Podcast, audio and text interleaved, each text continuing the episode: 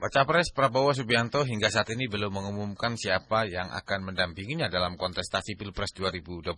Diketahui dua pasangan Baca Pres dan Baca Wapres yakni Ganjar Mahfud MD dan Anies Caimin telah mendaftarkan dirinya ke KPU. Lalu bagaimana kabar pencapresan Prabowo? Direktur Survei dan Polling Indonesia Tosmin Igor Digantara mengatakan diduga bahwa Prabowo belum mengumumkan bacawa presnya karena menunggu musyawarah untuk mufakat antar ketum partai yang tergabung dalam koalisi Indonesia Maju. Dikatakan calon yang paling besar berpeluang adalah Gibran Raka Buming Raka untuk menjadi bacawa presnya. Meskipun pasca putusan MK menjadi polemik di masyarakat terkait dinasti politik, namun secara peralihan juara untuk Jawa Tengah dan Gibran paling cocok untuk mewakili Jawa Tengah dibanding yang lainnya. Ya ada banyak hal ya, tapi saya duga e, misalnya menunggu kan menunggu ketua umum partai untuk berkumpul lalu bermusyawarah untuk mufakat ya menentukan dari empat nama itu mengerucut jadi dua lalu menjadi satu karena kan salah satu ketua umum Partai Amanat Nasional ya Zulkifli hmm. Hasan itu masih di luar negeri ya bersama Pak Jokowi hmm. begitu itu menunjukkan bahwa Pak Prabowo itu demokratis ya dia menggunakan cara untuk untuk memutuskan siapa yang menjadi pendampingnya itu berdasarkan musyawarah dari ketua-ketua umum di koalisi Indonesia Maju. Hmm. Agak beda itu kalau di um, di Anies Baswedan kan Surya Paloh yang menentukan ya. Lalu yang kalau di koalisi PDIP itu uh, pastinya Ibu Megawati yang punya hak prerogatif. Pak, apa menurut saya uh, siapa cawapres yang punya peluang paling besar mendampingi Pak Prabowo kan begitu ya. Mm-hmm. Tapi strateginya itu mungkin ini pasca keputusan anu Mahkamah Konstitusi saya rasa ya Mas Emi ya dan mm. pendengar El Sinta bahwa ini menjadi polemik yang sangat atau menjadi apa ya? Ya menjadi polemik lah di masyarakat saat ini ya. Lalu mencuatlah isu dinasti politik. Jadi begini pendengar Sinta, kalau secara politik ya, itu sebenarnya memang menunjukkan Gibran itu paling kuat ya, berpotensi menjadi cawapres Pak Prabowo. Kalau dilihat dari hmm. uh, peristiwa politik gitu ya, bagaimana uh, putusan MK, bagaimana relawan-relawan Jokowi itu misalnya juga me, apa me, uh, serentak ya mengusung Pak Prabowo terakhir Projo, lalu bagaimana baliho baliho hmm. uh, Gibran itu juga bertebaran di sejumlah daerah gitu ya. Itu menunjukkan bahwa sebenarnya Gibran itu salah satu ya ya ter, ya terkuat gitu. Saya rasa 60% Gibran ya. 40% bisa Pak Erick Thohir kalau terjadi misalnya hal-hal yang tidak diinginkan. Kenapa begitu?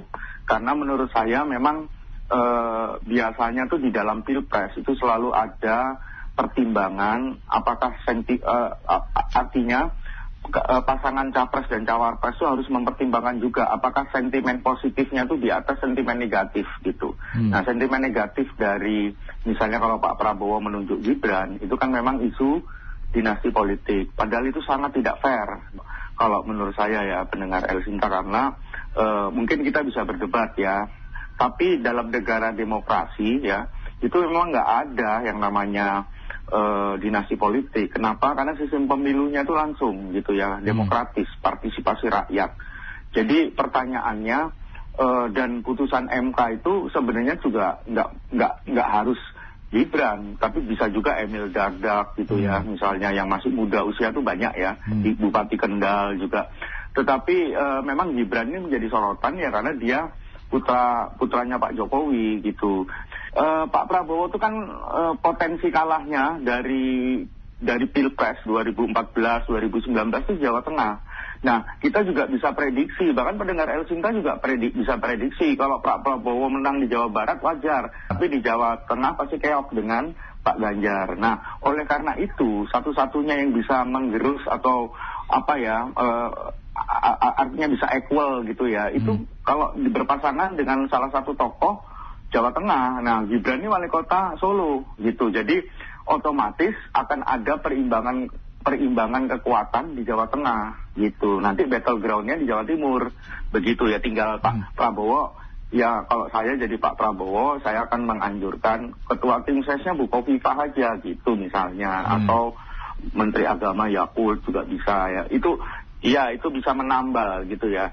Karena kan kalau misalnya Pak Prabowo, Pak Prabowo itu selalu kalah di Jawa Tengah. Jadi logika bahwa Gibran itu menjadi cawapres yang pas dan cocok buat Pak apa Pak, Pak Prabowo itu masuk akal apalagi ya soal batas usia capres dan cawapres sudah diputuskan oleh MK dan itu keputusannya hmm. binding ya jadi mengikat nah itu tinggal dilaksanakan saja nah mungkin uh, prediksi saya ya kita tinggal menunggu benarkah Gibran nanti yang akan diumumkan sebagai cawapres hmm. Pak Prabowo jika tidak saya melakukan survei itu Erick Thohir Sementara itu Direktur Riset Trust Indonesia Ahmad Fadli mengatakan bahwa Prabowo sedang mempertimbangkan untuk menentukan bacawa presnya yang bisa diterima oleh semua pihak terutama untuk partai-partai yang tergabung dalam koalisi Indonesia Maju. Dikatakan juga ada asumsi kenapa belum juga diumumkan bacawa presnya karena terlebih dahulu menunggu kepulangan Presiden Jokowi dari luar negeri sehingga deklarasi bacawa presnya nanti akan membuat Prabowo kental dengan persepsi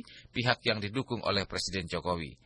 Dikatakan kenapa sosok Gibran yang paling ideal untuk menopang kemenangan Prabowo adalah karena Jokowi efek dan mapping politik dari pemilih di Jawa Tengah. Sebenarnya Pak Prabowo ini sedang mempertimbangkan ya, sedang mempertimbangkan secara matang itu nama cawapres yang paling rasional sebenarnya dan tentunya bisa diterima oleh semua pihak, terutama yang ada di dalam koalisi Indonesia Maju. Hmm. Karena koalisi ini ya yang membuat deklarasi pasangan cawapres Prabowo yang sampai detik ini belum bisa dilakukan. Kemudian ada asumsi ya boleh jadi Pak Prabowo itu di saat ini memang sedang menja, apa menunggu kepulangan Presiden Jokowi yang kebetulan hari ini Pak Jokowi itu akan balik dari Riyadh ya setelah dari kunjungan luar negerinya. Nah, deklarasi yang dilakukan dengan menunggu kedatangan Jokowi ini tentunya akan sangat menguntungkan Pak Prabowo karena akan membuat Pak Prabowo itu kental dengan persepsi sebagai pihak yang didukung oleh Jokowi hmm. ya. Karena Jokowi efek.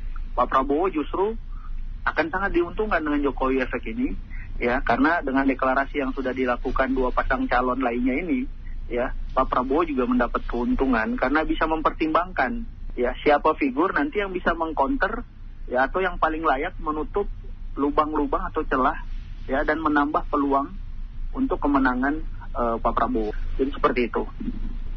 Ya. Jadi sebenarnya gini, sebenarnya saat ini yang paling ideal untuk menopang kemenangan Prabowo itu sebenarnya hanya sosok Gibran. Ya. Karena sekali lagi yang tadi saya bilang Jokowi efek ya. Alasannya adalah yaitu ya dukungan pemilih Jokowi. Hmm. Kemudian ada akses-akses sumber daya tentunya kalau dekat dengan kekuasaan dan yang paling penting adalah mapping peta politik di wilayah Jawa Tengah karena sebagian Jawa Tengah itu adalah Solo Raya ya yang itu juga uh, ada basis-basis uh, Pak Jokowi di sana gitu kan hmm. yang memang relativity pasti pasti dipastikan itu akan diberikan kepada Gibran hmm. gitu jadi uh, dibandingkan dengan Erick Thohir ya sebenarnya Gibran lah yang perlu uh, yang sangat berpeluang sebenarnya. Gibran inilah uh, satu-satunya yang paling tepat untuk uh, apa menambah pundi-pundi suara Pak, Pak Prabowo. Tapi sebenarnya gini mas, hmm. sesungguhnya Pak Prabowo ini tanpa Gibran sekalipun dibanding dengan Anies ya dan uh, Ganjar, hari ini Pak Prabowo sudah sudah uh, nomor satu paling leading di antara kedua calon tersebut gitu hmm. kan. Ya, walaupun Pak Prabowo ya dipasangkan dengan polisi tidur sekalipun, hmm. ya Pak Prabowo sebenarnya hari ini sedang leading. Makanya memang uh, selain mempertimbangkan Gibran, Pak Prabowo juga harus mempertimbangkan konsekuensi ketika beliau mengambil Gibran, hmm. gitu loh.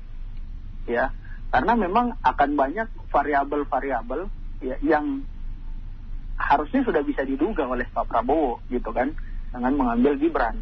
Ya, jangan sampai nanti ini akan menjadi uh, bumerang hmm. ya yang hari ini kita tahu bahwa Pak Prabowo itu adalah jalan tengah ya teori hmm. jalan tengah ini tentunya uh, berlaku sampai detik ini oleh Pak Prabowo sebelum beliau mendeklarasikan berpasangan dengan Gibran kenapa karena kalau misalnya tiga calon ini maju sebagai capres tentunya akan sulit untuk menang satu putaran pasti akan ada dua putaran. Putaran pertama, hipotesis uh, kami dari Trust Indonesia dengan berbagai macam survei dua kali survei nasional yang kita lakukan, kemudian kita menganalisis juga survei-survei uh, dari lembaga survei yang uh, hmm. punya kredibilitas yang lainnya, itu kalau ada dua putaran maka di putaran kedua dipastikan Pak Prabowo itu pasti bisa masuk putaran kedua. Hmm. Dan ya ketika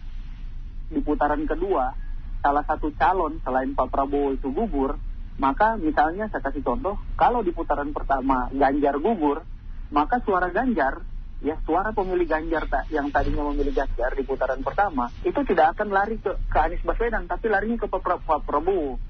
Sebaliknya ya ketika Anies Baswedan yang gagal maka suara yang memilih Anies itu tidak mungkin lari ke Ganjar tapi ke Pak Prabowo. Nah itulah ya kenapa karena Pak Prabowo itu ada di tengah gitu loh. Akan terlalu ekstrim pemilih Anies akan berpindah kepada Ganjar itu tidak mungkin. Hmm. ya kasih dua kutub yang berlawanan sebenarnya. Begitu juga sebaliknya. Pak Prabowo ada di jalan tengah. Tapi ya yang harus dipikirkan adalah ketika Pak Prabowo ya mengambil Gibran ya itu juga yang harus dipikirkan. Karena ternyata sampai detik ini ya hmm. saya mau uh, menganalisis bahwa itu kutub yang tadinya berlawanan antara Ganjar dan Anies itu semakin uh, elit-elitnya ya kingmaker di antara dua ini itu justru malah uh, apa sekarang itu saling mendekat gitu loh ya mohon maaf hmm. uh, kita bisa lihat kedekatan Ibu Mega dan Pak Surya Paloh dalam beberapa waktu ini ya itu cukup mesra sekali bisa dibilang hmm. artinya ya inilah yang harus diantisipasi jangan sampai yang tadinya Pak Prabowo menjadi jalan tengah ya dengan uh, memanfaatkan situasi ini ya Pak Prabowo justru malah uh, lawan-lawannya memanfaatkan situasi seperti saat ini Pak Prabowo justru malah bukan menjadi jalan tengah lagi hmm. mungkin akan menjadi uh, apa pinggir jalan gitu loh hmm. ya yang tadinya pendukung Ganjar itu sangat berempati kepada Pak Prabowo ya ketika Ganjar tidak masuk justru malah antipati dan justru malah berpindah malah kepada larinya kepada pendukung Anies karena tadi isu dibangun itu adalah isu keluarga Mahkamah Keluarga kemudian isu oli, uh, oligarki melanggengkan kekuasaan untuk keturunan dan sebagainya. Nah kalau isu ini tidak dikanalisasi dengan baik maka kemungkinan itu bisa terjadi. Demikian rangkuman diskusi interaktif bersama Direktur Survei dan Polling Indonesia atau SPIN, Igor Dirgantara, dan Direktur Riset Trust Indonesia Ahmad Fatli. Saya Semi Burhani, terima kasih.